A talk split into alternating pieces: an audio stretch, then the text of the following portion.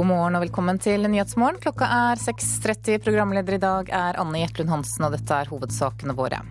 Fremskrittspartiets innvandringspolitikk vil føre til et mindre humant samfunn. Det mener Arbeiderpartiets Martin Kolberg. Det er vanskelig å ta ham på alvor, svarer Frp. Innbyggerne i Syrias hovedstad frykter at vannet og matlagrene kan være forgiftet etter det påståtte gassangrepet. Og i dag får mediene for aller første gang høre gjennom lydopptak fra rettssaken mot Arne Treholt. Og Treholt selv synes at det er på høy tid. Jeg har jo hele tiden her vært tilhenger av full åpenhet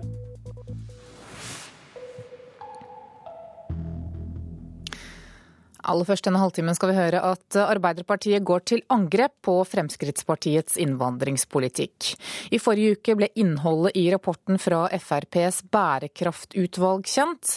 Her foreslår partiet en kraftig innstramming i innvandrings- og asylpolitikken. Og dette er svært alvorlig, sier Arbeiderpartiets parlamentariske nestleder Martin Kolberg. Jeg vil si at eh, hvis vi skulle være i nærheten av av å få gjennomført de tankene som Fremskrittspartiet har gjort seg her, så ville vi ikke lenger kunne kalle oss for et humanistisk samfunn. Martin Kolberg mener vi med FrPs innvandringspolitikk vil få et samfunn der det er tydelige forskjeller på folk, og hvor innbyggerne blir sortert etter hvor de kommer fra. Og at vi vil bryte et eh, meget viktig prinsipp prinsipp i Norge, nemlig at alle skal være like for loven. For det som ligger i Fremskrittspartiets eh, innstilling til seg selv, da, det er jo at man skal fremme og lage lover og regler som skal gjelde for én gruppe i befolkningen, og ikke for alle. Og det er i strid med Grunnloven, og da er vi ikke lenger et humanistisk samfunn.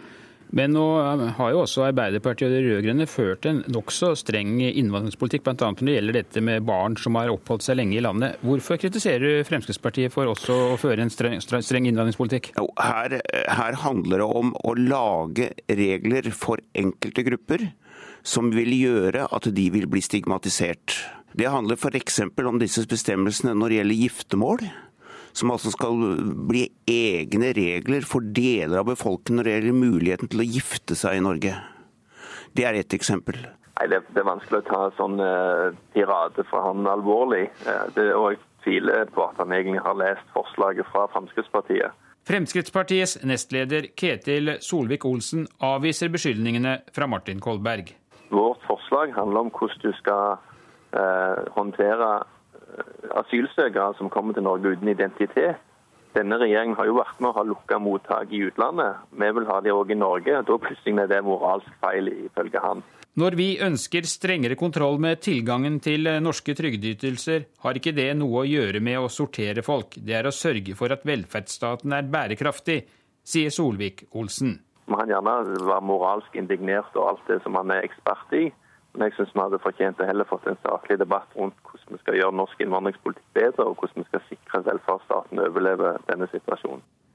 Og leder i Fremskrittspartiet, Siv Jensen, stiller til utspørring her i NRK P2 klokka ti over sju. Og reporter her, det var Per Arne Bjerke. Valgdeltakelsen blant innvandrerne var under 40% ved forrige stortingsvalg, og det har Askim kommune i Østfold bestemt seg for å gjøre noe med. Valgmøter med tolk og valgmateriell på mange språk skal lokke flere av kommunens innvandrere til stemmelokalene. Og politikere og forskere venter spent på resultatet. Kanskje jeg skal ta fire, for det er noen av de som vil ha på begge sider av vinduet. Anne Lein er rådgiver for mangfold og integrering i Askim kommune. Og nå er hun i gang med å henge opp plakater på mange ulike språk. Det gjør hun på steder hun vet at mange innvandrere er innom. Da går vi inn på Mines, og det er en eh, restaurant som blir drevet av en kinesisk dame. Jeg kan hjelpe deg med Ja, vil du det? Kan jeg gjøre det, selvfølgelig. Ja. ja. Ditt språk er kinesisk, er det ikke det? Det er kinesisk, ja. Jeg skal henge på vinduet, da. Jeg syns det var kjempefine. På det ene bildet så ser jeg at det er fetteren min som holder en plakat på urdu og sier at du må bruke stemmeretten din. Det er hyggelig at de bruker lokalfolket. Så da kjenner vi dem igjen. Det er folk på gata. Pakistanske Romia Khan har i lang tid jobbet sammen med Anne Lein og flere andre for å finne ut hva Askim med sine 70 nasjonaliteter kan gjøre for å øke valgdeltakelsen. Og da har jo kommunen gjort noe veldig fint. Det er å ta med oss vanlige folk inn i møtesalen og spurt hva er det jeg kan gjøre, hva er det vi kan gjøre for å få dere eller noen dere kjenner til å komme til urnene. Og vi får med flere perspektiv. Det blir ikke ovenifra ned-mentalitet. I løpet av de siste åra har vi gjort oss den erfaringen at eh, det er muntlig informasjon som fungerer best. Og derfor så vandrer vi rundt og snakker med folk, rett og slett. 18,5% av Askims befolkning er innvandrere, og ved forrige stortingsvalg deltok under 40% av de som kunne stemme. Det ga Askim en valgdeltakelse langt under landsgjennomsnittet. Derfor stiller alle partiene nå med stands og tolker på minst ti språk før valget 9.9. Innvandrerne forteller meg at eh, ja, vi vil stemme, men vi vet ikke hva vi skal stemme. Hvordan skal vi finne ut av det? Dette må dere gjøre noe med. Og det har vi prøvd å gjøre. Personlig kontakt er kjempeviktig. Og det å ha nøkkelpersoner innenfor hver nasjonalitet, det er også kjempeviktig. Det får vi til i større og mindre grad det siste. Ved dette stortingsvalget skal SSB måle om jobben Askim gjør, virker. Det hadde vært veldig fint om, om Askim hadde fått til noe på dette området. Sier Johannes Berg ved Institutt for samfunnsforskning ved Universitetet i Oslo. Han forsker på valgdeltakelse blant innvandrere. Det blir spennende å se ved årets valg om det har en effekt. Det er jo noe som mange er interessert i, både forskere og, og, andre, om det er noen konkrete tiltak man kan gjøre, altså om de kan ha en effekt på, på deltakelsen. Så Hvis man er i stand til å måle denne effekten og faktisk finne, finne en effekt, så, så, er det veldig interessant. Vi håper at vi kan få valgdeltakelsen sakte, men sikkert opp på, på nivå med resten av befolkningen. Vi tror det kan ta noen år, men vi håper at vi er på vei. Det sa til slutt Anne Lein i Askim kommune, og reporter her det var Marianne Løkkevik. Til Russland nå, for der har president Vladimir Putin signert en ny sikkerhetslov som skal gjelde under vinterlekene i Sotsji. Loven kom etter at terroristen Doku Umarov ba islamistiske fundamentalister i Nord-Kaukasus i juli om å ramme vinterlekene. Og Russland-korrespondent Hans-Wilhelm Steinfeld, hva går sikkerhetsloven for vinter-OL ut på? Eh, den oppretter en forbudssone rundt Sotsji og setter sterke begrensninger for f.eks. biltrafikk inn til Sotsji uten spesialtillatelse. Og denne loven trer i kraft 7.1, en måned før vinterlekene, og utløper en måned etter de er ferdig. Det blir forbud mot møtevirksomhet, og det er en drakonisk lov, sier opposisjonen. Ja, hva mener de med det? Ja, det, Med det mener de at det står i Grunnloven at møte- og forsamlingsrett er garantert enhver russisk borger. Det vil ikke være tilfellet under OL.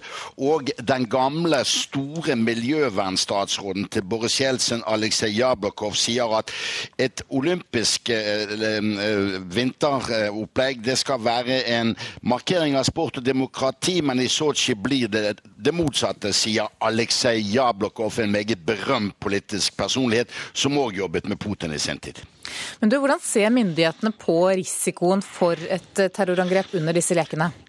Det pågår veldig mye kontraterroristiske operasjoner i Dagestan nå. Og eh, etter at Doko Omarov oppfordret til nærmest hellig krig mot vinterlekene, så er det klart at terrorfrykten er stor.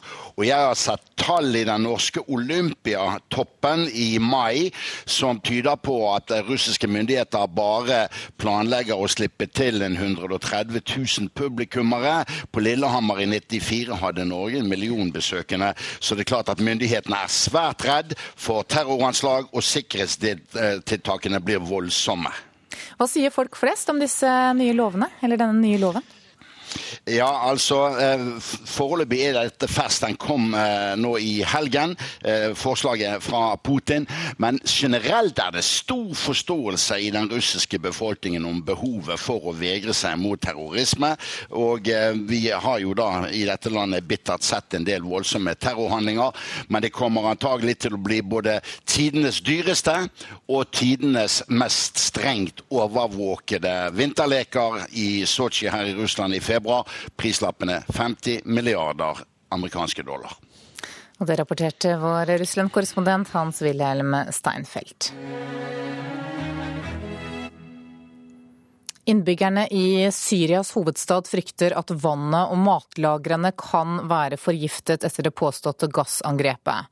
Angrepet skal ha skjedd på onsdag i et landbruksområde som forsyner Damaskus med grønnsaker, kjøtt og melk. Flere land hevder at det er klare bevis for at det har vært et gassangrep. Regimet og opprørerne skylder på hverandre for angrepet, der flere hundre mennesker skal ha mistet livet. Afghanistans president Hamid Karzai reiser til Pakistan i dag for å ha samtaler med landets nyvalgte regjering. Målet er å få i gang direkte samtaler med Taliban. Karzai håper at Pakistans statsminister kan bidra til å overtale Taliban til å gå med på direkte fredssamtaler. Den afghanske presidenten insisterer på at regjeringen hans må ha en sentral rolle i fredsforhandlingene, men Taliban har nektet å forhandle direkte med han eller med utsendingene hans. Da skal vi ta en kikk på dagens aviser og se hva de har på forsidene sine i dag. Aftenposten skriver at maksprisen i barnehagene har gitt dyrere skolefritidsordning. Høyre mener at dette viser at Arbeiderpartiet og SV motarbeider familier med dårlig råd. Dagens Næringsliv forteller at laksenæringen har merket ytterligere straffetiltak fra kinesiske myndigheter de siste par ukene. Fisk blir stanset ved grensen, og på fiskemarkedet i Shanghai så er fersk norsk laks helt fraværende. Høyres velgere sier nei til EU, det skriver Klassekampen. En undersøkelse avisa har gjort viser at over 60 av Høyre-velgerne er imot et norsk medlemskap i unionen. Nasjonen er opptatt av økologisk mat, og skriver at den borgerlige siden er splittet når det gjelder satsing på norsk produksjon av økologisk mat. Venstre og KrF vil prøve å øke både produksjonen og forbruket, men det ønsker ikke Høyre og Fremskrittspartiet. Dagbladet har bilde av fire partiledere på sin første side i dag, og med overskriften 'Dette er sjansen for at de får styre Norge' så har avisa altså regnet ut sannsynligheten for at hver av dem skal få være med ved roret i årene fremover. Bergens Tidende skriver at helsetoppene som bruker millioner på kampanjer for å få oss til å drikke mindre alkohol, selv sørger for at vinflaskene får bein å gå på når de møtes. Departementsråd Bjørn Inge Larsen varsler opprydning. Dagsavisen forteller suksesshistorien om bygda Bugøynes i Finnmark, der konkurs og høy arbeidsløshet nå er tilbakelagt. I dag er stedet et viktig sentrum for fangst og eksport av kongekrabbe. Stavanger Aftenblad har vært på konsert med Robbie Williams og skriver at en Robbie i storslag ga 25 000 publikummere noe å snakke om i lang tid fremover. Mens VG har følgende råd til ivrige besteforeldre ligg unna oppdragelsen av barnebarna.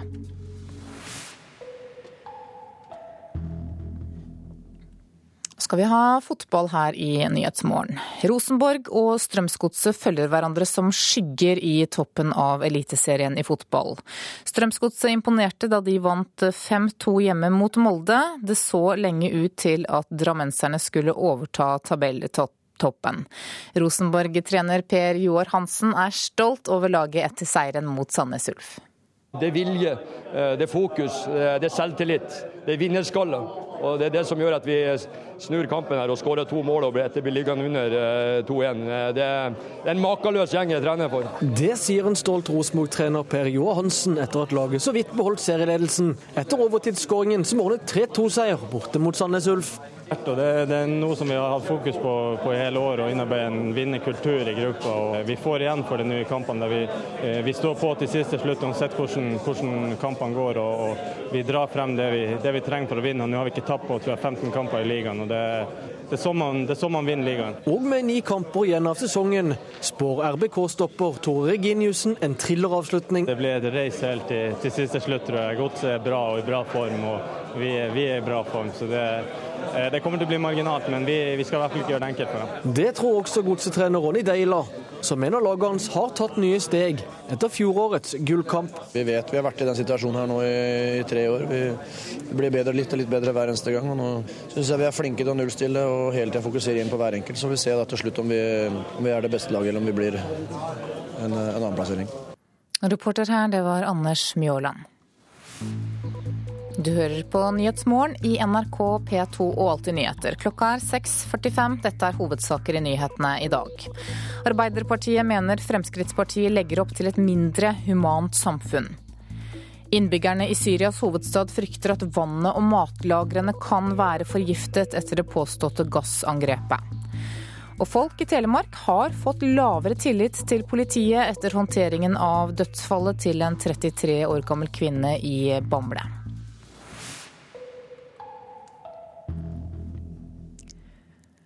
I dag så får mediene for første gang høre gjennom lydopptak fra rettssaken mot Arne Treholt.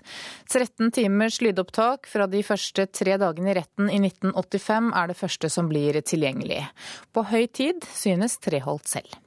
Jeg har jo hele tiden her vært tilhenger av full åpenhet. Men de 70 timene med lydopptak som i løpet av september gjøres tilgjengelig, er bare en fjerdedel av de totale opptakene fra Treholt-rettssaken.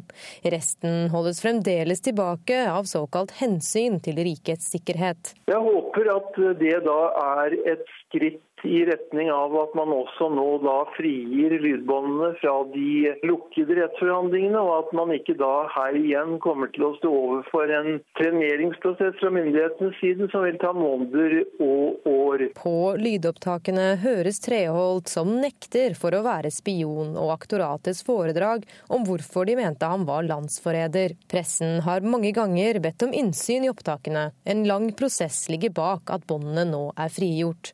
Men for Treholt selv er saken historie. Jeg kommer ikke til å høre på disse lydbåndopptakene igjen. Dette er jo ting som ligger eh, langt tilbake i tid, og som for meg er historie. Så dette er jo mer for kuriositetens skyld, og for at historikere og også nå journalister som ikke hadde anledning til å følge denne saken i 1985, eh, nå får anledning til å gjøre det. Reporter her, det var Andrea Ratajewski Kluge.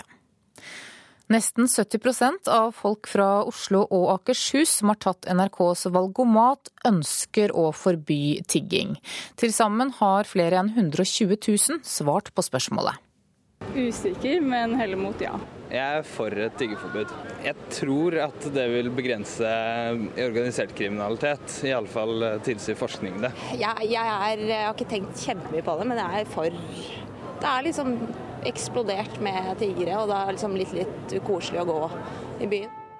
Tiggeforbud eller ikke, det har blitt en het debatt etter at det har vært stor pågang av tilreisende tiggere til Oslo og Akershus de siste årene. Politiet mener også mange kriminelle bruker tigging som skalkeskjul. Nå viser tall fra NRKs valgomat at et stort flertall av de som er fra Oslo og Akershus vil ha et forbud. Jeg tror det viser at flere og flere innser at en tiger i koppen ikke er det som hjelper tiggerne ut av nøden. Det sier leder i Oslo Høyre og stortingskandidat Nikolai Astrup. Høyre har gjort tiggeforbud til en valgsak, men også Fremskrittspartiet og Senterpartiet ønsker et forbud. Selv om ikke valgomaten er en meningsmåling, mener Astrup likevel at den viser at folk har blitt mer engasjert i problemstillinger rundt tigging. Vel, først og fremst så har vi jo en velferdsstat som skal hjelpe de som trenger hjelp. Eh, og de norske tiggerne er stort sett rusmisbrukere, og det de trenger er behandling. Så har vi også noen tilreisende tiggere. Eh, og de eh, mennesker fra hele Europa er velkommen til Norge. Men forutsetningen for å reise fritt til Europa er at de som kommer hit kan forsørge seg selv. Eh, og eh, vi kan ikke være Europas sosialkontor. Det tror jeg flere og flere begynner å innse. Eh, og det som virkelig vil hjelpe tilreisende tiggere, er jo at vi hjelper dem der de kommer fra. Men selv om flertallet vil ha et tiggerforbud, er det fremdeles en del som mener det er feil å forby det. Jeg syns det høres litt sånn lite medmenneskelig ut, egentlig, å forby det, når de først er på, helt på grensa av hva situasjonen deres klarer. Så syns jeg det er litt kjølig å ikke la dem ty til det siste mulighet. Det mener også Akershus KrFs førstekandidat Malin Stensønes. Hun tror grunnen til at så mange er positive til forbudet, er all medieoppmerksomheten før sommeren, da man fryktet et storinnrykk av tilreisende tiggere. Jeg tenker det er naturlig med utgangspunkt i det skremselsbildet som ble dratt opp eh, før sommeren, hvor vi nærmest skulle drukne i tusenvis av tiggere. Det har jo vist seg ikke å stemme. Eh, og Det er jo noe av bakgrunnen for at vi mener det er feil å innføre tiggerforbud. Sammen med SV og Venstre mener hun man ikke kan forby tigging fordi det er usolidarisk med et slik forbud mot folk i nød. Hun mener KrF ikke vil gi etter om de skulle komme i regjering med Frp. Da skal KrF kjempe for våre standpunkter, våre synspunkter, våre saker. Som vi vil gjøre på alle andre områder også. Reporter her, det var Pernille Vegheim Dvergedal. Folk i Telemark har fått lavere tillit til politiet etter håndteringen av dødsfallet til en 33 år gammel kvinne i Bamble. Det viser en meningsmåling som Infact har gjort for avisa Varden. 37% av telemarkingene sier at tilliten er svekket. Visepolitimester Knut Kolloen sier at det ikke er overraskende. Vi forstår at eh, tilliten til politiet kan få en, en, liten knekk eh, på bakgrunn av eh, denne type hendelser. Det beklager vi, og det er vi lei oss for. Vi må gjøre jobben vår på en god måte, både ute i samfunnet der vi er synlige, og gjennom det etterforskningsarbeidet som vi til enhver tid gjør. Og på den måten vise publikum at det er grunn til å stole på politiet. Og I undersøkelsen så svarer 40% at politiets håndtering ikke har påvirket deres tillit til politiet. Brannen i Gudvangatunnelen i Sogn og Fjordane førte til skader på kjøretøy for opp mot 10 millioner kroner, det viser tall fra forsikringsselskapene. Mange biler kjørte inn i hverandre fordi de ikke så noe i den tette røyken, forteller kommunikasjonssjef Stine Neverdal i Finans Norge. En god del av bilene og campingvogner er totalskadet. I tillegg så er det jo da mange bulkeskader på biler som måtte snu i full fart eh, inne i tunnelen. Eh, og Anslagsvis så dreier det seg så langt om eh, materielle skader for opp mot 10 millioner kroner. Semitraileren som tok fyr i Gudvangatunnelen for tre uker siden, har ført til store utgifter for mange. I tillegg til Statens vegvesen og selskaper som forsikrer bilene som sto fast i tunnelen, har Helse Førde notert det største beløpet knytt til ei enkelt hending noensinne. Nær 30 utenlandske turister måtte ha helsehjelp pga. røykskader. Reporter var Kjellerund Lavik. Miljøpartiet De Grønne er landets største parti blant norske kunstnere. Det viser en undersøkelse NRK har gjort. Mens partiet på landsbasis har en oppslutning på rundt 4% så sier nesten 22% av norske kunstnere at de vil stemme på De Grønne. Vi har en sang som heter Hei politiker. Hei, politiker. Hør nå her. Nå må dere ta noen avgjørelser. For vi klarer ikke det selv. Bassist i De Lillos, Lars Fredrik Bekkstrøm, veit hvem han vil skal ta avgjørelsene for seg. Nå er det jo blitt uh, mulig å, å, stemme på et parti som setter miljøet fremst, da. da. Da blir jo det veldig viktig. Bekkstrøm er snart klar for en historisk konsert i Oslo sammen med resten av bandet sitt. I tillegg til DumDum Boys, de gjenlevende musikerne i Jokke og Valentinene og deler av Raga Rockers. De fire store i norsk rockhistorie samler for første gang. Og det kommer i stand til ære for Miljøpartiet De Grønne. Jeg tror de aller fleste av musikerne sympatiserer ganske sterkt med De Grønne. Jeg tror det blir en veldig flott eh, kveld, altså en grønn kveld. Og de fire store er ikke alene i sitt partivalg. I en spørreundersøking NRK har gjort blant 1500 norske kunstnere, er Miljøpartiet De Grønne klare vinnere. Nesten 22% har svart at de vil stemme grønt. Arbeiderpartiet 17,2. Men ikke alle i de kulturelle kretser vil ha grønt styre. Frp 0,8, KrF 0,8. Det var jo interessant. Leder i Musikernes Fellesorganisasjon, Hans Ole Rian, er overraska når han ser hvor mange kunstnere som gir stemma si til De grønne. Det vi er veldig bekymra for, er at de ønsker en oppmyking av eh, opphavsretten. Og de vil åpne for fri bruk og fri flyt på nettet.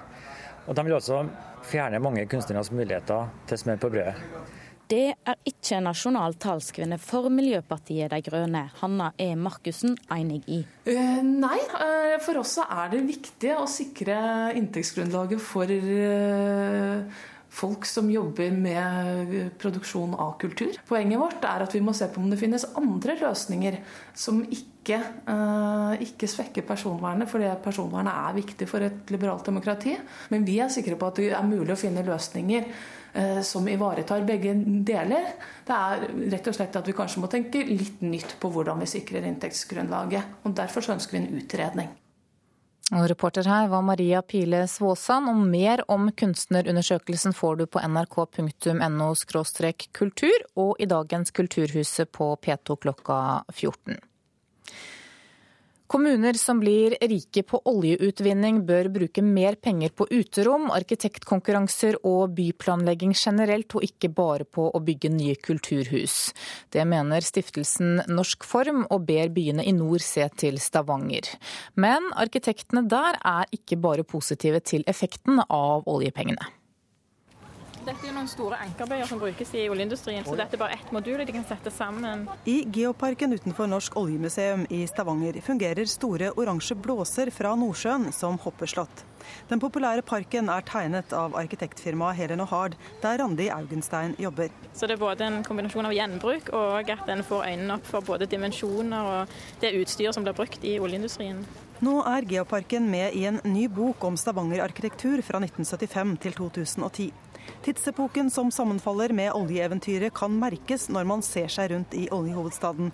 Vi har jo hatt gode tider i Stavanger, så det har blitt bygd mye. og Det er på godt og vondt, men det har blitt bygd mye bra òg. Og I tillegg så er det òg blitt et høyere fokus på arkitektur, tror jeg, blant eh, menigmannen. Så En ser jo bl.a. nå at det blir bygd mye mer eneboliger som er arkitekttegnet enn det gjorde før. For folk har faktisk råd til å ha en arkitekt til å tegne. Når Eh, byer og steder pga. oljeinntektene får en økt velstand og økt inntekter i kommunekassa, så ønsker vi å diskutere om man ikke bør bruke mer av de inntektene til å utvikle de stedene man eh, snakker om. Sier direktør i Norsk Form, Andreas Vaa Bermann. Stiftelsen mener det bør brukes mer oljepenger på arkitektkonkurranser og byplanlegging i de nye oljesatsingsområdene i nord. Et eksempel er Hammerfest. Og Der mener jeg at de, vi har et stort potensial for å diskutere hvordan kommunen bruker den muligheten som oljeutviklingen har gitt dem, til å bedre forholdene i Hammerfest by. I større grad enn bare å bygge et kulturhus rett og slett legge mer ressurser inn i planlegging? Ja, vi har, vi har, jo brukt uh, mye penger på et kulturhus, men vi har også fokusert sterkt på opprustning og nybygg av uh, skoler. Det sier Ap-politiker i Hammerfest og leder i styret for miljø og utvikling i kommunen, Håvard Jensen.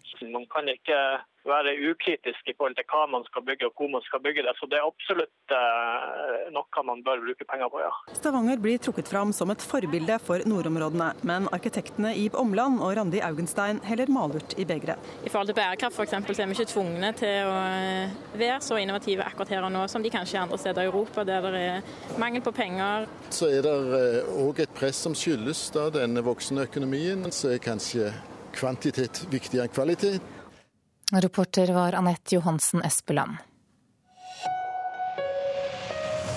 Siv Jensen vil forandre Norge. Fordi vi vil ha kontroll. Og krever å komme i regjering. Vi vil ha rød-grønn politikk ut av regjeringskontorene! Partilederutspørringen mandag morgen på NRK P2, NRK1 og nrk.no klokka ti over sju. Det er altså om ti minutter. Nå skal vi se på et værvarsel som gjelder til midnatt. Østafjells og fjellet i Sør-Norge kan vente seg sørvestlig bris i dag. Stort sett pent vær og i kveld lokal tåke. Rogaland og Hordaland skiftende bris. I ettermiddag sørlig frisk bris på kysten og stort sett pent vær. Sogn og Fjordane sørlig liten kuling, sørvestlig stiv kuling ved Stad. Opphold og perioder med sol. Møre og Romsdal og Trøndelag sør-vestlig frisk bris på kysten. Opphold, perioder med sol, men fra i ettermiddag litt regn i ytre strøk av Nord-Trøndelag. Nordland og Troms sørlig liten til stiv kuling utsatte steder. I Vestfjorden kortvarig liten storm. I kveld sørvestlig liten kuling og regn. Vest-Finnmark med vidda sørlig frisk bris, til dels pent vær. I ettermiddag økning til sørvestlig stiv kuling og litt regn. Øst-Finnmark sørlig liten kuling utsatte steder, til dels pent vær og fra i ettermiddag litt regn. Og på Nordensjøland på Spitsbergen er det ventet sørøstlig liten kuling utsatte steder i dag, og regn. Så tar vi med temperaturene som ble målt klokka fem. Da hadde Svalbard lufthavn ni grader, Kirkenes åtte, Vardø ti, Alta 13, Tromsø-Langnes 11, Bodø 13, Brønnøysund 16, Trondheim 9, Molde og Bergen 11, Kristiansand-Kjevik 8, Gardermoen og Lillehammer 7, Røros 1, og på Oslo-Blindern så var det 9 grader da klokka var 7. Og det er, nei, da klokka var 5, unnskyld. Og det er ventet litt stigende temperaturer på Spitsbergen og i Finnmark, ellers uendret eller litt lavere temperatur.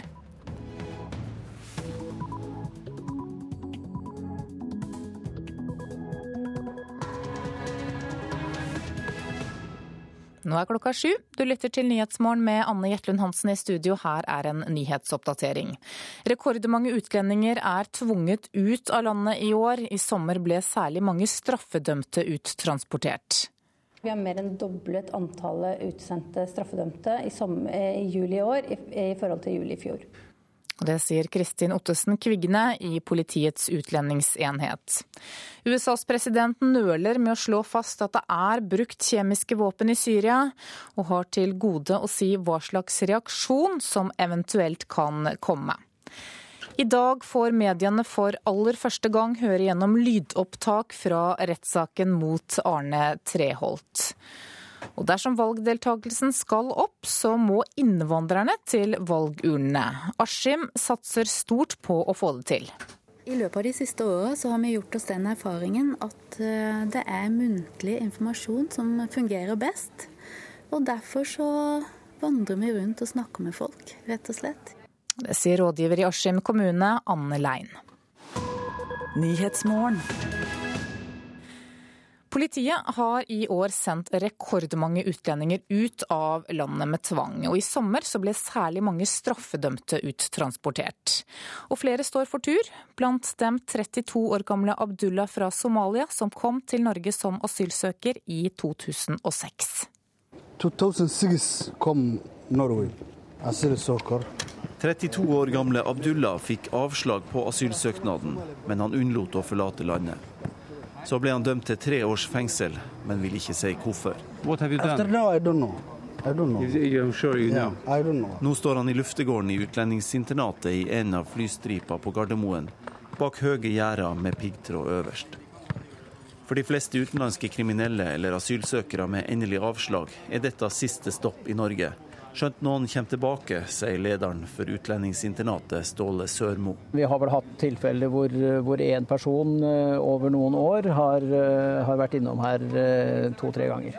Hittil i år har politiets utlendingsenhet uttransportert 20% flere enn på samme tid i fjor, og har konsentrert seg særlig om straffedømte. Det sier sjefen Kristin Ottesen Kvigne. Vi har mer enn doblet antallet utsendte straffedømte i, i juli i år i, i, forhold til juli i fjor. Hva slags folk er de her kriminelle som dere har sendt ut i sommer? De kommer fra Romania, Polen, Litauen, Nigeria og Afghanistan primært. Hva koster en uttransport? Ja, det er varierende hva kostnadene for det er. Vi sier at vi har et gjennomsnitt i, eh, for uttransporter på ca. 22 000. Hvor mye kan en uh, utsendelse koste? Opp mot 80 000-90 000 kan en utsendelse eh, koste hvis det er et, eh, en destinasjon langt unna og en vanskelig transport. Etter sju år her kaller Abdullah Norge et rasistisk land. Norge resister. Norge ansuri. Hver dag sier politiet at det skal til Mogadishu, sier Abdullah, som snart er en av stadig flere som med tvang settes på flyet ut av Norge. I juli måned var drøyt halvparten av dem som ble uttransportert, asylsøkere. Av dem igjen er rundt 20% tatt for kriminalitet.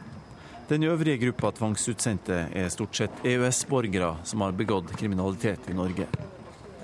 Når det gjelder asylsøkerne, er det ofte vanskelig å finne ut hvem de faktisk er, og hvor de eventuelt skal sendes hen. 95% av de som søker asyl, kommer uten godkjent uh, identitetspapirer. Slik at uh, dersom de ikke samarbeider med oss i etterkant av et negativt vedtak, må vi bruke tid til å etterforske identiteten deres, både her i Norge og i utlandet. Reporter her, det var Kjartan Røslett. Og noen av dem som blir transportert ut, har blitt tatt for å selge narkotika rundt Akerselva og nederst på Grünerløkka i Oslo. Og Ingrid Helseth, du er en av initiativtakerne bak beboeraksjonen på Grünerløkka i Oslo, som ble startet i 2008 i protest mot det åpenlyse narkotikasalget i bydelen. Velkommen til Nyhetsmorgen. Takk. Det, det er altså fem år siden dere meldte fram dette narkotikasalget. Hva var situasjonen da? Da var situasjonen at i vårt eh, nærområde, som er et eh, boområde for, eh, for over 20 000 mennesker, med masse barn og ungdom, så så vi rundt oss at det var plutselig dukket opp en masse både selgere og kjøpere av narkotika. Så vi var havnet midt i et gedigent narkotikamarked. Og dette foregikk helt åpenlyst på dagtid. Det var til og med så ille en periode at hang opp, selgerne hang opp lapper om hva man kunne få kjøpt hvor. Eh, og Det som uroet oss i stor grad, var jo hva dette gjorde for barna og de unge i bydelen vår. Altså De sto på broene der hvor mange barn kom fra skolen. Barna visste hvor depotene var. Eh, ja, Det var virkelig det var veldig ille. Og Så hører vi nå at eh, rekordmange har blitt tvangsutsendt. Har dere merket noen bedring? Vi har vel akkurat i, vårt, i boliggatene der hvor vi bor, så har vi merket en bedring definitivt fra i fjor. På hvilken måte? Det er færre selgere å se akkurat i boliggatene. Så Det, det syns jo vi er veldig positivt. Men vi vet at, at vi ser også at i, i områder tett på vårt, så er det fortsatt masse selgere. Det som vi merker en forskjell på også, er at vi ser ikke, det er ikke de samme gjengangerne. Så det kan ha noe med den utstedelsespolitikken å gjøre. At uh, de kommer ikke så fort tilbake igjen. For det, har politiet sagt var et problem før. De sender folk ut, og så tar det en uke eller to, så var de tilbake igjen. Så vi så jo de samme selgerne måned etter måned etter måned. Så du tror at denne tvangsutsendelsen faktisk har eh, fungert? Altså, Den har jo sikkert fungert og hatt en virkning, men, eh, men, men, for vår del så kan jo ikke vi si at vi er at eh, det har løst problemet. For det er fortsatt veldig mange selgere, og for ungdom i Oslo så er det mye lettere å få sett solgt, få kjøpt seg røyk og øl enn det er å få kjøpt seg narkotika. Og det er ikke bra. Hvordan er samarbeidet dere har nå med myndighetene? Nei, vi, har hatt, hatt ganske, vi, har ganske, tett dialog, og vi har, har, en del personer som vi kan henvende oss til, og som, som lytter til oss. Og som er veldig interessert i å vite hva ståa er. Men vi tenker også at politikerne i større grad kunne tatt seg en tur ned til oss og sett hvordan det var, for dette er helt åpenlyst. Da sier jeg lykke til eh, og takk for at du kom til Nyhetsmorgen, Ingrid Helseth, som altså er en av de som står bak beboeraksjonen på Grünerløkka i Oslo. USAs president Barack Obama nøler med å slå fast at det er brukt kjemiske våpen i Syria. Han har også til gode å si hva slags, reaksjon som eventuelt kan komme på tale. Meningene er delte i det politiske miljøet i Washington, men folkemeningen er klar. Flertallet ønsker ingen amerikansk militæraksjon mot Syria. Det er døsig varm sensommer og søndag ettermiddag i Washington. Ingen enkel dag for de lange politiske resonnementer. Spørsmålene blir også korte. Bør USA angripe Syria dersom det viser seg at Assads regime har brukt kjemiske våpen? No, I don't think so. Because I don't think the United States is the policeman for the world. Nei, sier Juanita, en kvinne i 40-årene med heldekkende tatoveringer på armene og klare meninger. Det er FN som bør ta den beslutningen. Hva med å gi våpen til opposisjonen, i think it depends on what det er også opp til FN, og det er ikke vår sak å blande oss i indre syriske anliggender, mener Juanita. Hun har de fleste amerikanere med seg. Én av fire støtter en militær intervensjon, selv om det skulle bli bevist at Assad-regimet har brukt kjemiske våpen. Hele 46% er klart imot, selv med klare bevis for kjemisk krigføring. Vi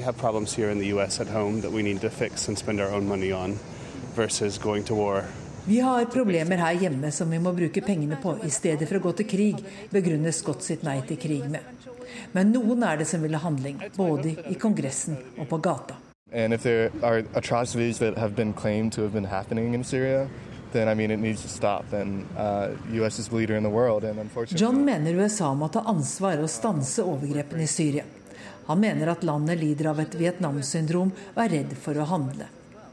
For ett år siden sa president Obama at et kjemisk angrep ville representere en rød linje for USA. Underforstått da måtte det brukes makt. I et intervju sist fredag sa han at troen på at USA kan løse Syrias problemer, ofte er overdrevet. The notion that the U.S. can somehow uh, what is a sectarian, complex problem inside of Syria uh, sometimes is overstated. Mange lurer på om presidenten har skiftet mening. USA har en president som har innsett at militærmakt ofte skaper nye problemer og ny antiamerikanisme. Der er han på linje med flertallet i sitt folk, men ikke med lederne i Storbritannia, Frankrike og Tyrkia, for å nevne noen. Alle venter, og snart må han bestemme seg for hva han gjør. Gro Holm, Washington. Og da er det klart for partilederutspørring med Fremskrittspartiets Siv Jensen. Programleder er Sigrid Solund.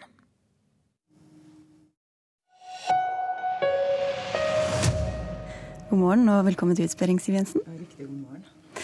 Frihet for enkeltmennesket står sentralt for eh, Fremskrittspartiet. I prinsipprogrammet deres åpner dere for eh, aktiv dødshjelp begrunnet i friheten til å bestemme over eget liv.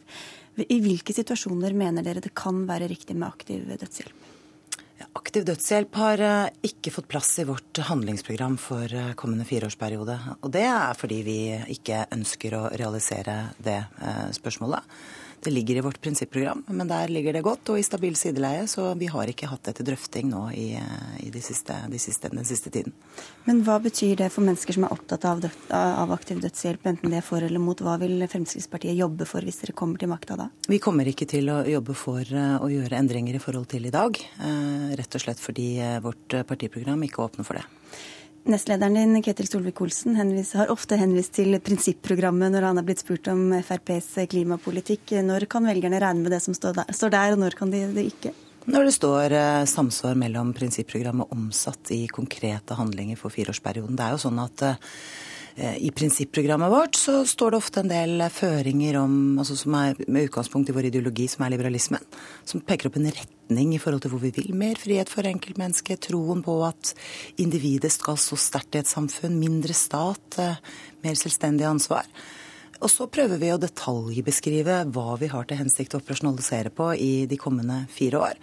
Eh, og der har vårt, eh, vårt, landsmøte vært helt hindrende klart på at vi ikke skal eh, gå inn i debatten om aktiv dødshjelp de neste fire årene. Så dere er både litt for og litt imot? Ja, men Det er jo en ærlig sak at det finnes folk hos oss som mener begge deler. Men da har vi skåret igjennom og tatt et standpunkt, så vi kommer ikke til å gjøre noe med det de neste fire år. En av de viktigste sakene for Fremskrittspartiet er en strengere asyl- og innvandringspolitikk. I programmet deres skriver dere at det er etisk uforsvarlig å ikke stramming på innvandringen. På hvilken måte er det etisk uforsvarlig? Det er mange problemstillinger å komme inn på da. For det første så ser vi at dagens innvandringspolitikk ikke er økonomisk bærekraftig. Den er kostnadsberegnet til et sted mellom 40 og 50 milliarder kroner i året hvis den får fortsette i dagens tempo. Da er vi nødt til å se på hva vi kan gjøre for å stramme inn på det. Eh, vi er opptatt av at det skal være like rettigheter, like muligheter og like plikter for alle mennesker som får eh, lovlig opphold i Norge. Eh, så har vi sett en del tilløp til forskjellsbehandling eh, fra norske myndigheters side, men det er først og fremst politikken vi vil stramme inn. Det skal ikke være noen tvil om at det å få opphold i Norge, det, det gir deg mange muligheter, men det gir deg også plikter som du bør ivareta. Men det er vel ingen av oss som er lønnsomme i det lange løp, sånn som velferdsordningen er nå. Er det etisk uforsvarlig å holde det, og ikke stramme inn på dem også, da, eller? Det handler jo om at man gjennom et langt liv bidrar inn til fellesskapet, for så å trekke veksler på det samme fellesskapet når man blir eh, eldre. Der ser vi noen utfordringer i forhold til eh, mange med innvandrerbakgrunn i Norge, som kommer sent inn i arbeidslivet og veldig ofte går tidlig ut av arbeidslivet. Noen er ikke i arbeidslivet i det hele tatt, men havner eh, ganske umiddelbart på ulike sosiale ytelser. Det begynner å bli en utfordring for Norge, fordi vi har eh, god råd, vi har romslige ordninger. Og veldig mange som kommer til Norge, bidrar ikke, og det vil vi gjøre noe med. Det, det, var min feil at det ble et lite sidespor her, for vi skal fortsette litt på asylpolitikken. Og i programmet deres, Du var inne på at dere vil likebehandle, men i programmet deres skriver dere at flere sosiale ytelser må gis under forutsetning av at innvandrere er villige til å integrere seg og lære seg norsk. Hvordan måler dere om innvandrerne er godt nok integrert til å få disse ytelsene? For det første så skiller jo vi mellom eh, asylsøkere og flyktninger. Det er en viktig presisering. I det øyeblikket man har fått lovlig opphold i Norge, så mener vi at, uh, må, at, vi må legge forholdene til rette gjennom integrering for at man kan bidra i det norske samfunn. Da handler det om språkkunnskap, det handler om uh, utdanning og det handler om arbeid. Det er tre helt vesentlige faktorer for at man kan bidra i det norske samfunn. Eh, og der er vi opptatt av å stille strengere krav, rett og slett fordi det er bærebjelken for fremtiden. Så målet for å være integrert er f.eks. at du har tatt utdanning eller, er i jobb?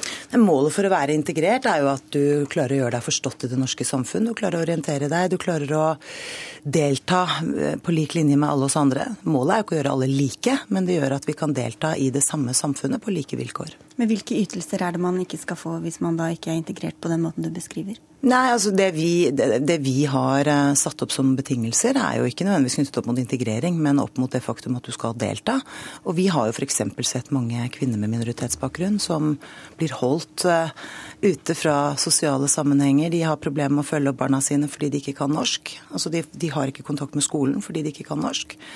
Eh, og, og, deltar ikke i arbeidslivet. De mener at det er en uh, alvorlig utvikling som vi er nødt til å se på med strengere øyne, og eventuelt knytte betingelser opp i forhold til sosiale ytelser. Jeg skjønte ikke helt hvilke ytelser og hvilke parametere på integrering, hvordan dette henger sammen? Nei, dette henger først og fremst sammen med at vi vil stille rettigheter og plikter eh, sidestilt. I Norge så er det ofte sånn at man mottar en lang rekke rettigheter, men pliktene uteblir. Og vi ønsker at de skal være likestilt. Og det betyr at vi må stille strengere krav til mennesker som kommer til Norge, om at de må delta, eh, la seg inkludere. men hvordan lar de seg inkludere? Jo, men det er jo også sånn at du og jeg, vi innbetaler til folketrygden over tid. Det gir oss rettigheter til sosiale ytelser osv. i kraft av at vi har deltatt. Det som er dilemmaet med en del av de norske velferdsytelsene, er at man kan få tilgang på dem uten å delta. Eh, og det mener vi er et problem, særlig hvis det blir en varig og permanent løsning for mennesker som kommer til Norge. I forrige uke kom en rapport fra et internt Frp-utvalg om bærekraftig innvandring. Arbeiderpartiets Martin Kolberg sier til Dagsnytt i dag at vi kan ikke lenger kalle oss et humanistisk samfunn hvis noe i nærheten av den politikken blir gjennomført. Hva svarer du, Kolberg? Det er ikke noe nytt at Martin Kolberg går i fistel når Fremskrittspartiet går foran og tar viktige debatter. Dette er et utvalg som har pekt på utfordringer med den manglende bærekraften i norsk innvandringspolitikk. Jeg er glad for at de har tillatt seg å foreslå en rekke tiltak. Det er ikke enda blitt endelig behandlet av Fremskrittspartiet. Er, er, du, er, du, for eller mot det du har sett? Nei, vi skal diskutere det. Noen av tiltakene er allerede Fremskrittspartiets politikk. Andre er utfordrende fordi det krever internasjonale forhandlinger hvis det skal også bli norsk politikk. Men jeg mener vi må tørre å gå inn og se på det. Men Arbeiderpartiet hadde jo selv et eget integreringsutvalg ledet av Jonas Gahr Støre for noen år siden, hvor de kom opp med en lang rekke tiltak aldri blitt, eh, dessverre, regjeringens politikk. Men jeg finner noen slående likheter der. Men da karakteriserte jo ikke Arbeiderpartiet seg selv på den måten, da. Du, men, du sa du var inne på dette med internasjonale konvensjoner. Er det aktuelt for Frp å føre en politikk som bryter med menneskerettighetene? Nei, men det vi er opptatt av, er å se på eh, de internasjonale konvensjonene i en moderne tid. Jeg tror veldig mange land opplever at eh, en del av de internasjonale konvensjonene har gått litt ut på dato fordi de ble laget i en helt annen tid hvor verdenssamfunnet hadde helt andre utfordringer. Men la meg være helt klar på at mennesker skal ha krav på beskyttelse. De skal ha krav på grunnleggende menneskerettigheter og menneskeverd. Det står også vi for. Men skal vi gjøre endringer i dette, så må det være fordi det er en bred internasjonal aksept og forståelse for at vi må modernisere et internasjonalt lovverk. Så det er uaktuelt å si opp avtaler eller bryte dem? I utgangspunktet så er vi opptatt av å gå inn og reforhandle dem. Det er et arbeid som tar lang tid, og som må skje på internasjonale arenaer. Men jeg mener at vi må tørre å diskutere det. I 2006 sa du og Per-Willy Amundsen i et intervju med VG at Frp vil slippe inn maks 1000 ikke-vestlige innvandrere i året. I forrige uke sa Per Sandberg at dere vil ta imot drøyt 14 000. Hvorfor vil dere nå slippe inn så mange flere? I vårt eh, partiprogram har vi ikke tallfestet dette. Det. Han hadde regnet ut? Uh, ja, Det er jo bl.a.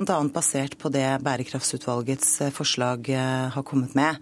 I vårt partiprogram har vi ikke tallfestet det, men det vi er veldig tydelige på, er at vi ønsker å begrense både familiegjenforening, vi vil begrense mottak av asylsøkere og flyktninger. Og det handler om at grunnlaget for det har blitt utvidet ganske mye de siste årene. Eh, og vi mener at vi må stille strengere krav, fordi vi vil ha kontroll på hvem som kommer til dette landet. Når det gjelder familiegjenforening, så skriver dere at personer som er kommet til Norge gjennom familiegjenforening, ikke skal ha rett til ytterligere familiegjenforening. Betyr det at hvis f.eks. en norsk mann gifter seg med en russisk eller filippinsk dame, så skal ikke hun kunne ta med seg eventuelle barn hun har fra før? Barn er eh, side av det som vi må ta hensyn til, men det er jo ikke det som er problemet med familiegjenforening. Det men, men man... til den formuleringen blir det Jo, men det handler om at utgangspunktet for familiegjenforening i Norge har blitt kraftig utvannet gjennom de siste årene. Vi ønsker å stille strengere krav og begrense det, eh, slik at ja, man må ha muligheten til å komme til Norge, men det betyr ikke at man skal kunne ta med seg hele slekta, for å si det sånn. Nei, men i dette tilfellet? Nei, I dette tilfellet så er det jo sånn at barn, som er de aller mest nærstående, selvsagt har eh, rettigheter knyttet til foreldrene sine.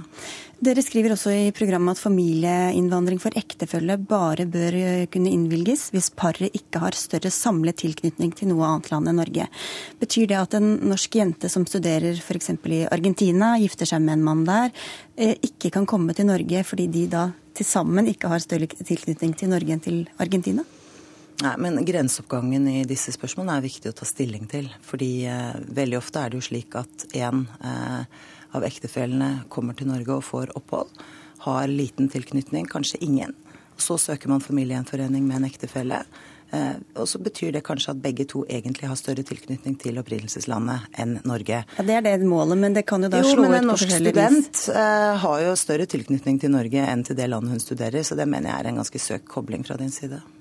ja, Men hun treffer jo en mann i det landet hvor hun har studert, mm. så det er jo parets samlede tilknytning. Jo, men hennes tilknytning tror jeg ikke det er noen særlig tvil om. Men det er men, andre... Men det er parets samlede Nei, tilknytning dere snakker andre, om? Det er andre faktorer som også skal legges til grunn, bl.a. Uh, inntekt, forsørgelsesevne osv. Hele hensikten vår med å stramme dette inn er at man ikke skal kunne utnytte et regelverk, eh, men at det skal være et, et reelt ønske. Og at man skal ha samlet sett evne til å delta og bidra i det norske samfunnet. Asyl- og innvandringspolitikken er altså et av de politikkområdene hvor dere skiller dere mest fra KrF og Venstre. Er det et absolutt krav for Frp å få gjennomslag på dette feltet? Innvandringspolitikken er en av Fremskrittspartiets valgkampsaker, og vi har alltid ment eh, at det er viktig å få eh, strammet inn på asyl- og innvandringspolitikken. Rett og slett fordi det gir oss bedre bærekraft over tid. Eh, jeg blir veldig overrasket hvis ikke det også er vilje til å se på en del av de utfordringene også hos KrF og Venstre. Men så erkjenner jeg at det er store forskjeller på oss i, i dette. Venstre er opptatt av en liberal asylpolitikk, vi er opptatt av en strengere en. Men ingen må bli veldig overrasket over at vi kommer til å være tøffe på det ved forhandlingsbordet. Men ingen absolutter her eh, på dette tidspunktet, skjønner jeg? Nei, jeg forhandler i hvert fall ikke en regjeringsplattform her i NRK. Eh, det tror jeg jeg er lurt i å holde i et lukket rom. Men eh, vi kommer til å være opptatt av å få gjennomslag for en strengere politikk på det området. For det må vi av hensyn til landets fremtid. Høyre har avvist mange av forslagene deres på dette politikkområdet. I tillegg har Erna Solberg sagt at det er uaktuelt å innføre deres modell for eldreomsorgen, og avvist den økonomiske politikken deres. Hva står igjen for dere å forhandle om eh, når dere kommer til det lukkede rommet? Det det viser, er at det er reelle forskjeller på Fremskrittspartiet og Høyre. Og det er jo i grunnen det valgkampen handler om. Selv om vi er veldig tydelige på at vi ønsker å samarbeide, at mange ting trekker i samme retning for de fire ikke-sosialistiske partiene, så er det også forskjeller. Og det er helt riktig. Det er forskjeller på oss i eldreomsorgen. Høyre vil beholde dagens modell, som har skapt den, de store forskjellene vi ser. Vi mener at for å løse det, så må vi flytte ansvaret til staten, lovfeste rettighetene og innføre bemanningsnormer. Da vil vi få verdigheten tilbake i eldreomsorgen. I går lanserte dere en liste med 30 forbud som dere vil oppheve. I tillegg til å ville tillate synlige lakrispiper og hjørnekjøleskap, så handlet rundt en tredel av dem om alkohol. Hvordan skal dere få gjennom det i eventuelle forhandlinger med KrF? Jeg tror den saken først og fremst er en illustrasjon på et parti som ønsker mer frihet, og som mener at man ikke kan lovregulere og lovforby absolutt alt, selv om man har aldri så gode intensjoner. Eh, var å vise at det av og til eh, er man veldig raskt ute med å iverksette forbud som kanskje kan oppleves som litt misforstått. Men saken er viktig, sier du. Hvilke saker er de absolutt viktigste for Frp å få gjennom i en eventuell ny regjering? Ja, igjen så ber du meg om å sette i gang forhandlingene her. Men nei, det er for, våre, for velgernes del, at de skal vite hva dere prioriterer. Våre viktigste valgkampsaker er jo asyl- og innvandringspolitikk, som vi har vært innom. Det handler om kriminalitetsbekjempelse. Det handler om helse og omsorg. Vi vil ha gjort noe med eldreomsorgen, for den har vi diskutert lenge nok. Vi vil gjøre noe med helsekøene i dette landet, og da handler det om, ikke om å bare beholde én kø eller få to køer, som Høyre er opptatt av. Vi vil ha køene ned. Og Da må vi eh, overslagsbevilge dette, sånn at både de offentlige sykehusene og de private kan bidra til å ta unna køen. Og så er vi opptatt av samferdselspolitikk, infrastruktur, avbyråkratisering og en lang, og sunn og fornuftig økonomisk politikk. Men er det fortsatt helt uaktuelt for Fremskrittspartiet å støtte en regjering med Høyre, KrF og Venstre? Ja, vi gjorde det klart for åtte år siden, og utgangspunktet for det lå jo i Bondevik II-regjeringen, som var en mindretallsregjering av Høyre- og sentrumspartiene. Så det står ved lag? Ja, fordi Fremskrittspartiet var jo da et stort parti i Stortinget. Fikk ikke lov til å være med og styre, men vi skulle aller nådigst sørge for at de fikk fortsette. Det hadde vi blandede erfaringer med, og derfor har vi sagt at vi bidrar gjerne til et regjeringsskifte men vi vil være en del av en ny regjering. Så en ren høyreregjering er også uaktuelt å støtte? Vi ønsker å være en del av den regjeringen, og jeg har heller ikke hørt at Høyre vil det. Jeg hører Høyre si akkurat det samme som oss, nemlig at de fire partiene trekker i samme retning og kan sette seg ned for å se på mulighetene. Vi forsøker oss med noen kjappe ja-nei-spørsmål også. vil Frp bruke skattesystemet til å utjevne forskjeller mellom mennesker? Det vil det i praksis bli. Akkurat. Er det et selvstendig mål for dere å ha bosetting i hele landet? Ja. Er nei til bompenger et absolutt krav for Frp? Igjen ber du meg om å forhandle, men vi er mot bompenger. Dere vil ha et eget dyrepoliti. Skal det være en nasjonal etat? Det er i hvert fall snakk om å få styrket dyrevernet, for altfor mange dyr opplever å bli grusomt behandlet i Norge. Detaljene er ikke helt eh, klare. Eh, skal konklusjonene fra FNs klimapanel som snart kommer med en ny rapport, ligge til grunn for FrPs klimapolitikk? Vi mener at også mennesker påvirker utslippene, men vi er opptatt av mer forskning og mer breddekunnskap for å treffe riktige globale beslutninger. Men stoler dere på FNs klimapanel? FNs klimapanel eh, har også motbør fra mange andre forskningsmiljøer, men det vi er opptatt av er å finne en god balanse mellom de tiltakene vi iverksetter vi er også for å iverksette tiltak som begrenser utslipp, men da må de først og fremst være globale. Det har veldig liten hensikt at Norge iverksetter nasjonale tiltak som bidrar til å flytte Nei, det gjør jeg ikke.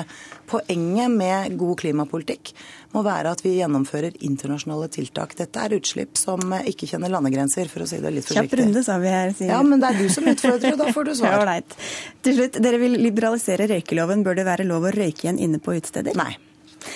OK. Da skal du få lov å utdype litt mer igjen på en av deres kjernesaker, nemlig eldreomsorg. Frp vil at alle som har behov for det, skal få tilbud om sykehjemsplass.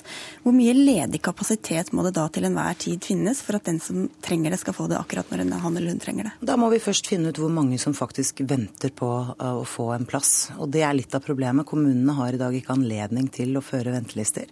Så mørketallene er antagelig store. Vi vet ikke hvor mange som har behov. Uh, så vi må først få en oversikt over det. Eh, før vi kan definere behovet. Men, men, eh, dette er jo ting som forandrer seg fort. Ja. ikke sant? Så, så, betyr det at det til enhver tid må stå en viss prosentandel ledige senger på ja, Det vil være nødvendig, ja. Hvis du skal kunne gi en ledig plass, eller gi tilbud om plass med en gang behovet melder seg. Men det mener jeg er relativt greit å løse. I mange kommuner så har man jo for så vidt også ledige plasser. Eh, men det handler om måten man organiserer ressursene på. Og så handler det om å bygge ut en standard som eh, er rimelig å forvente med dagens eh, levestandard ellers i samfunnet. Hva kommer dette til å koste ifølge deres beregninger? Ja, det mener jeg er en avsporing av diskusjonen. Fordi alle partier sier jo at eldre mennesker som har behov for det, skal få plass. Det vi ser, er at man ikke får det. Mm. Så tenker vi at i stedet for at vi skal fortsette dette pingpongspillet hvor staten skylder på kommunen og kommunene skylder på staten, så vil vi plassere ansvaret ett sted. Da forsvinner ansvarsforskrivelsen. Men samtidig så vil finansieringen være forutsigbar, slik at de følger den enkelte eldre ettersom behovet melder seg. Og da får det bare koste hva det koster? Ja, Vi mener at vi skal ikke gamble med eldre menneskers eh, alderdom. Nei, de skal få plass når de har behov for det. Men hvordan skal dere finansiere dette samtidig som dere vil gi store skattelettelser? For det første så går Norge med et uh, kjempestort overskudd hvert eneste år, så det er jo ikke det at vi mangler penger. For det andre så kutter jo Fremskrittspartiet mer enn noe annet parti, bl.a. til byråkrati. Fordi vi mener det er rom for enorme effektiviseringer og innsparinger i dagens uh, økonomi ved å tenke smartere og jobbe bedre. Men hvordan skal dere klare det samtidig som dere lovfester flere rettigheter som kanskje kan klages på? Dere vil redusere behandlingstiden i asylsaker dramatisk, ha IKT-satsing i politiet osv. osv. Ja, noen av de tiltakene du snakker om nå, vil jo effektivisere økonomien. Det å få på plass moderne IKT både hos politiet, helsevesenet og eldreomsorgen vil jo forenkle saksbehandling, redusere byråkrati og frigjøre tid hos dem som jobber i Men noen skal jo bygge dette opp, da? Dette frigjøre tid hos dem som jobber i etatene til å jobbe med det de er satt der til å gjøre, fremfor å skyfle papir. En overlege ved et sykehus i dag bruker bare 16 timer av arbeidsuka si på pasienter. Resten av tiden går bort til byråkrati og papir. Det er rimelig åpenbart at vi kan forenkle og effektivisere ved å ta noen investeringer. Et kjapt spørsmål. Dere argumenterer altså at vi tåler skattekutt fordi statsbudsjettet har vokst. Betyr det at vi skal sette skattene opp igjen hvis det blir dårligere tider? Nei, fordi at skattereduksjoner handler om mer. Det å redusere skattene innebærer også at vi øker mulighetene for mer verdiskaping og vekst. Vi tror altså på dynamiske effekter i skattepolitikken, så jeg er ikke så veldig redd for det. Skattekutt i gode og dårlige tider, altså? Jo, men skattereduksjoner gir i seg selv verdiskaping fordi det skaper grunnlag for mer vekst, for trygge arbeidsplasser, for gode bedrifter som går med overskudd. Det trenger vi, slik at de kan reinvestere og skape mer arbeidsplasser. Takk skal du ha for at du kom, Siv Jensen. Nå skal du møte velgerne på nrk.no. De kan spørre om nesten alt, har du lovet? Nesten i hvert fall. Ja, Det gleder jeg meg til. Der kan også alle som vil se denne sendinga når det måtte passe. Nå er nemlig utspørringen tom for tid. Tekniker var Hans Ole Hummelvold, produsent Karoline Rugeland og jeg heter Sigrid Solund, og vi er tilbake på onsdag med Liv Signe Navarsete. Rekordmange utlendinger er sendt ut av Norge med tvang i år. Arbeiderpartiet mener Fremskrittspartiets forslag i innvandringspolitikken er umenneskelige. Og i dag frigis lydopptak fra spionsaken mot Arne Treholt. God morgen, her er NRK Dagsnytt, klokka er 7.30. Politiet har i år sendt rekordmange utlendinger ut av landet med tvang. Hittil i år har politiet satt over 3000 utlendinger uten lovlig opphold i Norge på fly ut av landet.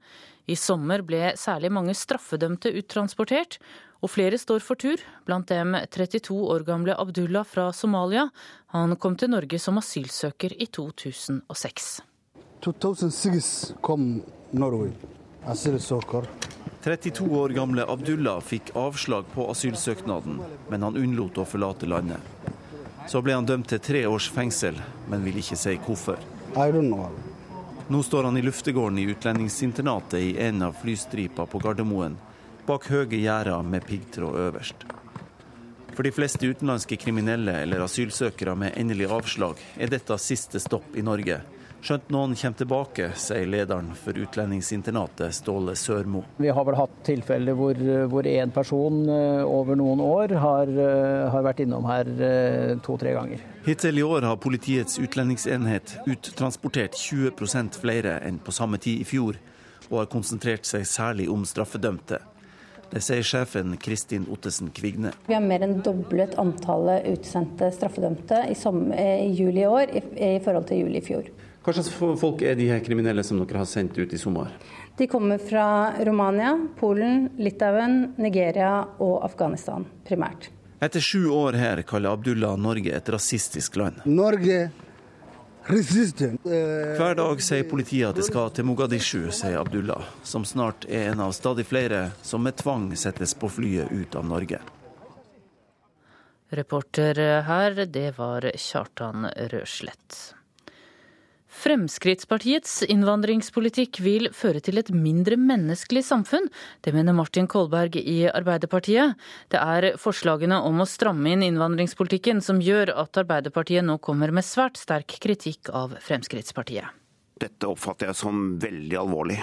Det er forslagene fra et Fremskrittspartiutvalg om betydelige innstramninger i innvandringspolitikken som gjør at Martin Kolberg og Arbeiderpartiet nå går til kraftig angrep på Frp i innspurten av valgkampen. Jeg vil si at hvis vi skulle være i nærheten av av å få gjennomført de tankene som Fremskrittspartiet har gjort seg her, så ville vi ikke lenger kunne kalle oss for et humanistisk samfunn. Martin Kolberg mener vi med FrPs innvandringspolitikk vil få et samfunn der det er tydelige forskjeller på folk, og hvor innbyggerne blir sortert etter hvor de kommer fra. Det sa reporter Per Arne Bjerke. Og Fremskrittspartiets leder Siv Jensen hun svarer at det må være lov å diskutere hvordan innvandring kan gjøres økonomisk bærekraftig. Hun mener Arbeiderpartiet selv har diskutert lignende tiltak i integreringspolitikken. Det er ikke noe nytt at Martin Kolberg går i fistel når Fremskrittspartiet går foran og tar viktige debatter. Dette er et utvalg som har pekt på utfordringer med den manglende bærekraften i norsk innvandringspolitikk. Arbeiderpartiet hadde jo selv et eget integreringsutvalg ledet av Jonas Gahr Støre for noen år siden, hvor de kom opp med en lang rekke tiltak. Aldri blitt, dessverre, regjeringens politikk. Men jeg finner noen slående likheter der. Men da karakteriserte jo ikke Arbeiderpartiet seg selv på den måten, da. Det sa Siv Jensen i dagens partilederutspørring her i NRK. Og deler av den hører du om igjen i P1 mellom halv ni og ni. Til Syria nå. Storbritannias utenriksminister William Haig mener det er Assad-regimet som står bak angrep med kjemiske våpen på egen befolkning.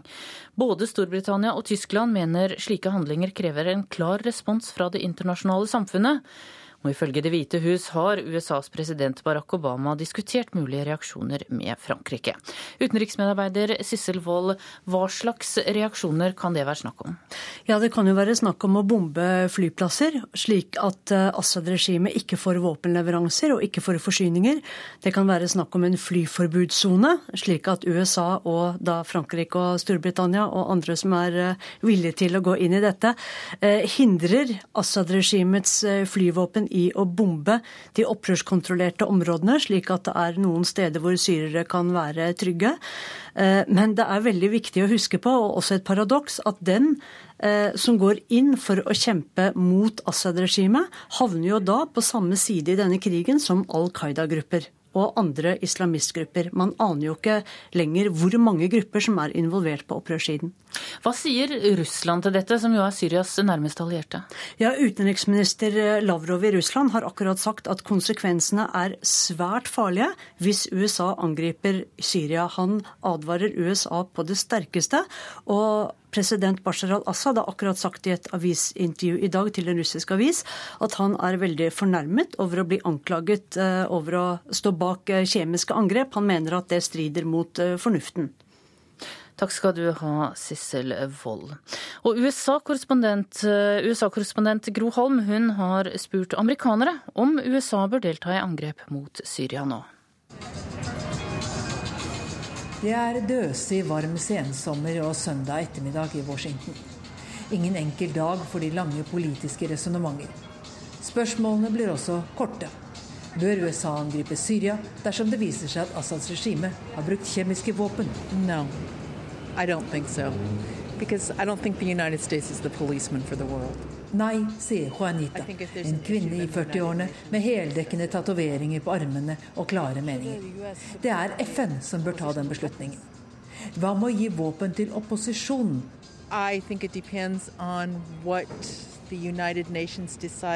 Det er også opp til FN, og det er ikke vår sak å blande oss i indre syriske anliggender, mener Juanita. Hun har de fleste amerikanere med seg. Én av fire støtter en militær intervensjon, selv om det skulle bli bevist at Assad-regimet har brukt kjemiske våpen. Hele 46 er klart imot, selv med klare bevis for kjemisk krigføring.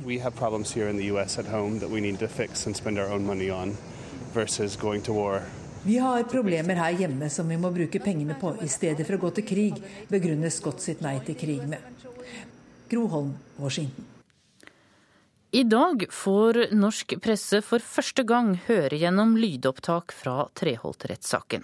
13 timer med lydopptak fra de tre første dagene i retten i 1985 er det første som blir tilgjengelig. Det er på høy tid, synes Arne Treholt selv. Jeg har jo hele tiden her vært tilhenger av full åpenhet. Men de 70 timene med lydopptak som i løpet av september gjøres tilgjengelig, er bare en fjerdedel av de totale opptakene fra Treholt-rettssaken. Resten holdes fremdeles tilbake av såkalt hensyn til rikets sikkerhet. Jeg håper at det da er et skritt i retning av at man også nå da frigir lydbåndene fra de lukkede rettsforhandlingene, og at man ikke da her igjen kommer til å stå overfor en treneringsprosess fra myndighetenes side som vil ta måneder og år. På lydopptakene høres Treholt som nekter for å være spion, og aktoratets foredrag om hvorfor de mente han var landsforræder. Pressen har mange ganger bedt om innsyn i opptakene. En lang prosess ligger bak at båndene nå er frigjort.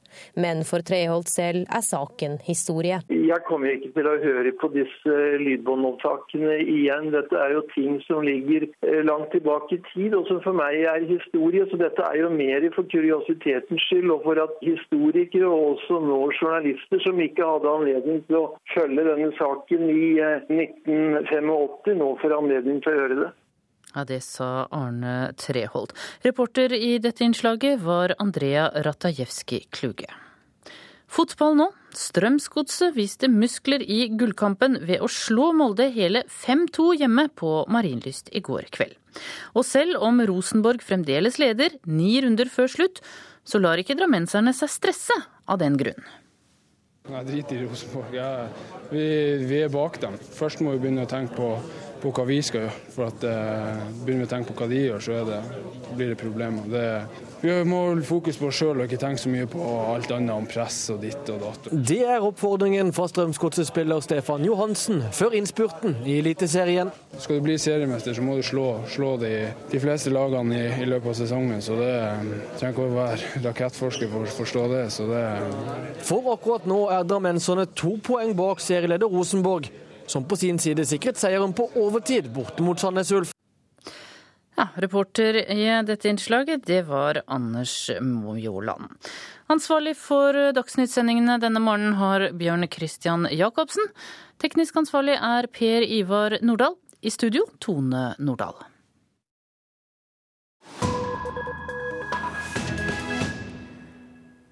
Klokka er 7.40 og Nyhetsmorgen fortsetter. I Afrika fikk fenomenet leiesoldater en ny dimensjon da koloniene ble selvstendige rundt 1960. Under borgerkrigskaoset i det tidligere belgisk Kongo utmerket enkeltindivider seg som spesielt velegnet. Og dermed vokste myten om den uavhengige og heltemodige leiesoldaten frem. Moore's popularity among would-be mercenaries is mainly due to his record. Mike Hall var britisk født og hadde kamperfaring fra annen verdenskrig. Han emigrerte til Sør-Afrika, men livet som sivil regnskapsfører ble for kjedelig. Han begynte som leiesoldat i Kongo, der hans gruppe i 1964 erobret Stanleyville, som Kisangani het den gangen, fra opprørsstyrkene og reddet hundrevis av europeiske gisler som fremdeles var i byen.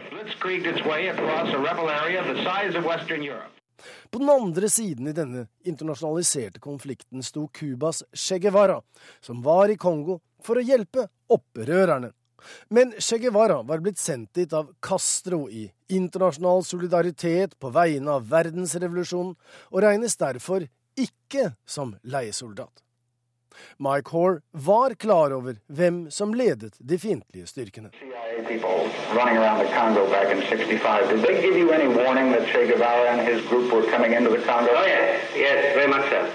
Alle trengte hjelp, og hvite leiesoldater kunne brukes.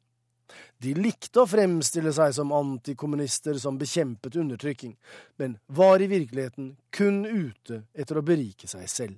De solgte sine soldaterfaringer mot betaling og drepte for penger. Moise Chombe i Katanga og Kongo var en god kunde. Helt siden tidenes morgen har store hærførere benyttet seg av utlendinger, altså soldater fra et annet land enn sitt eget. Og en leiesoldat har alltid en fortid, og alle en eks. They're all ex-something, ex-anti-guerrilla fighters from French Algeria, British Malaysia, Borneo or Kenya, ex-SS officers from Germany, ex-CIA pilots from Cuba, ex-farmers from Kenya, ex-residents of the Sudan, Egypt, Tanganyika, ex-students from South Africa and southern Rhodesia. De hvite leiesoldatene i Afrika på 60- og 70-tallet ble omgitt av en aura av mystikk og romantisering. Bøker ble skrevet og filmer laget. I 1980 ble Fredrik Forsyths Dogs of War filmet med Christopher Walken og Tom Berenger i hovedrollene. De skulle i filmen bistå den fiktive president Kimba i det oppdiktede afrikanske landet Sangaro, ikke ulikt situasjonen i Kongo på 60-tallet. Leiesoldatene forsvarer vestlige interesser, politisk og økonomisk. De fremstilles som helter og representanter for det gode mot det onde. I 1989 vedtok FN en lov mot bruk av leiesoldater, men den kom sent. Verden så annerledes ut. Moderne teknologi i form av satellitter og droner forandret både spionasje og krigføring, og de myteomspunne veteranene med erfaring fra annen verdenskrig var i ferd med å gå ut på dato. Det betyr ikke at det ikke lenger finnes såkalte Horrors of War, men ikke av den gamle skolen som mange i Afrika fremdeles husker og frykter fra annen halvdel av forrige århundre. For de er der. De har riktignok tilpasset seg den nye tid og heter nå alt fra livgarde og sikkerhetsvakter til sivile kontraktører og digitale operatører. Men de tjener fremdeles penger på å bistå fremmede makter i krig. Og det sa reporter Joar Hoel Larsen. Du hører på Nyhetsmorgen, og dette er hovedsakene denne morgenen. Rekordmange utlendinger er tvunget ut av landet i år. I sommer ble særlig mange straffedømte uttransportert. Forsikringsselskapene må ut med opp mot 10 millioner kroner etter brannen i Gudvangatunnelen. Og i dag frigis lydopptak fra spionsaken mot Arne Treholt.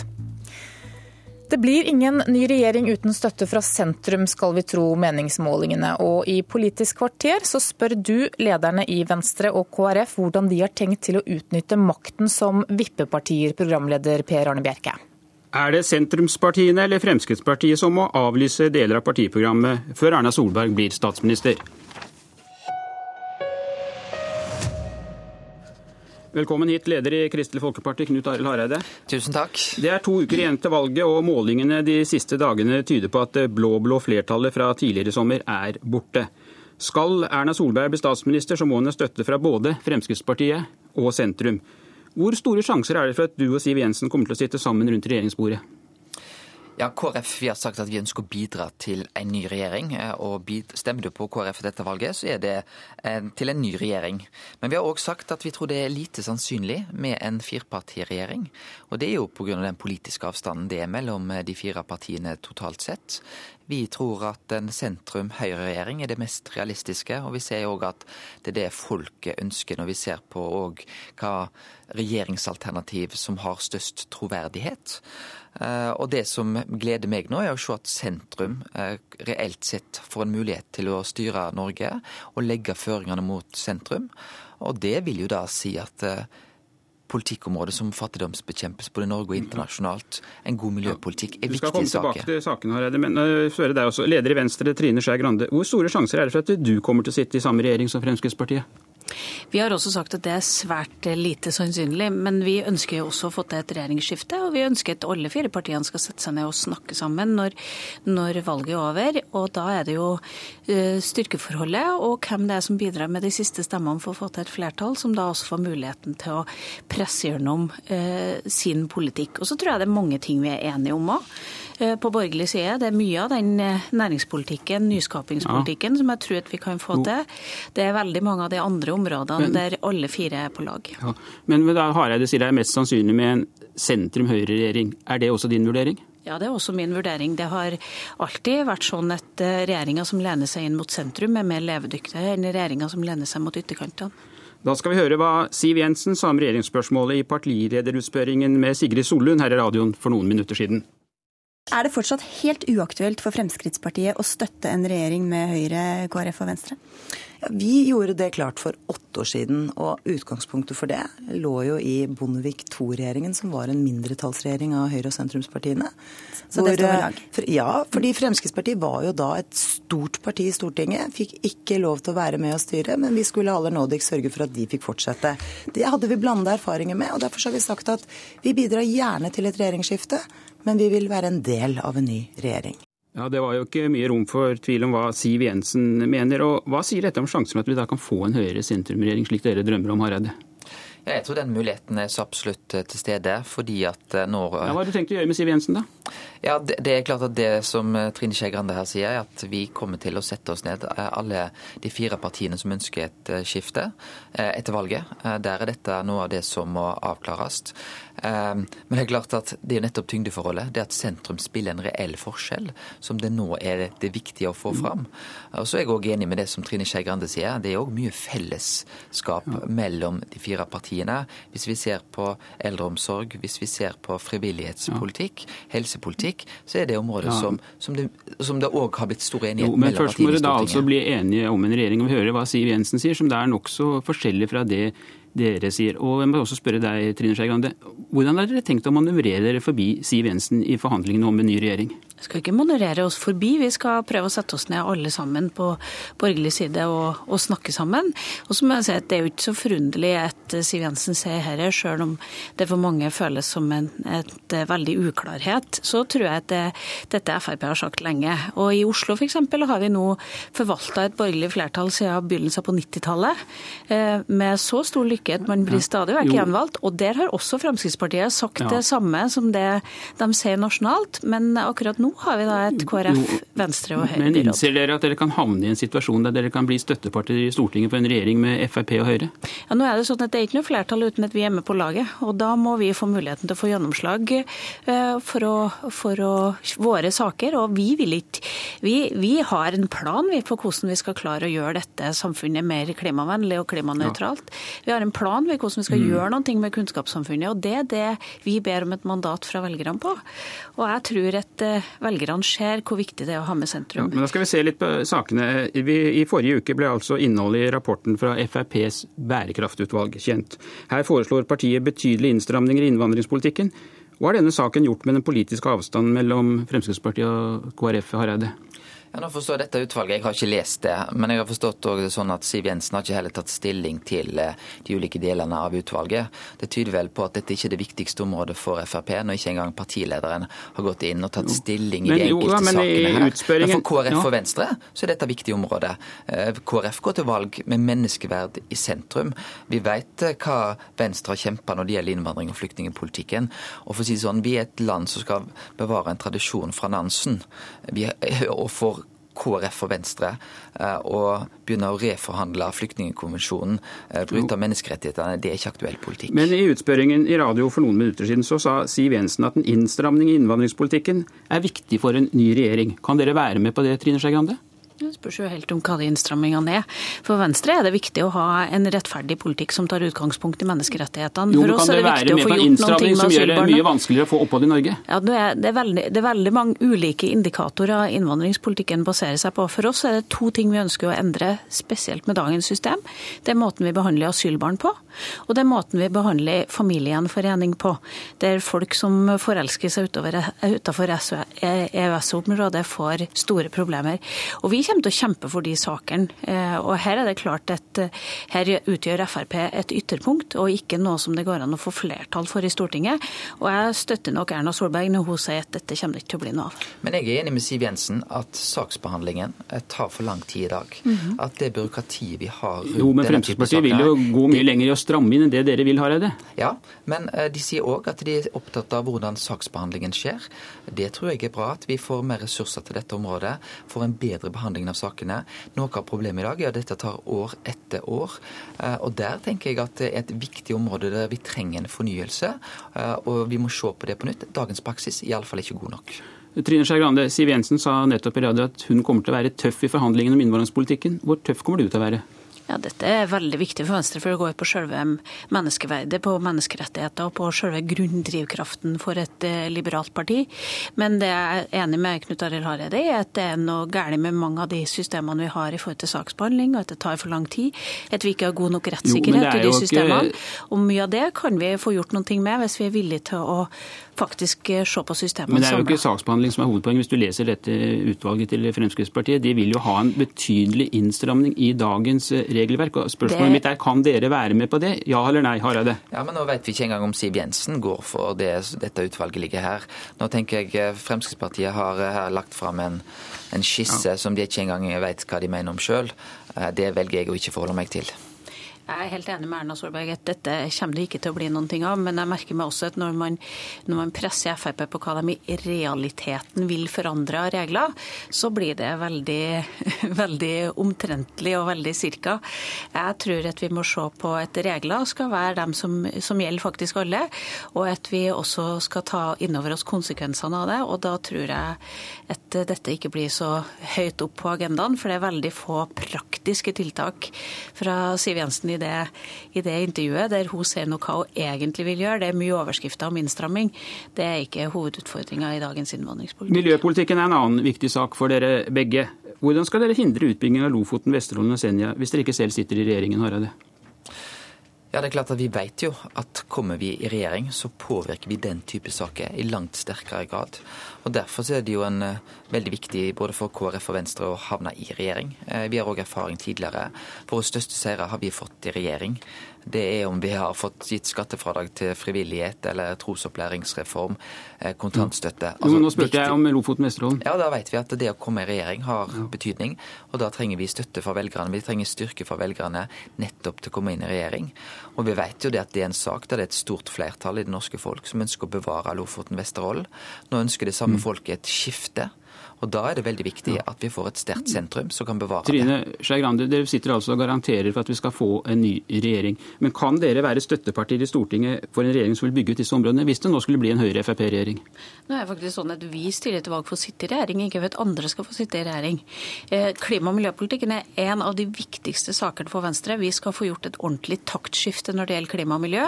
Og det har vi klart f.eks. i en by som Oslo. Gjenta det.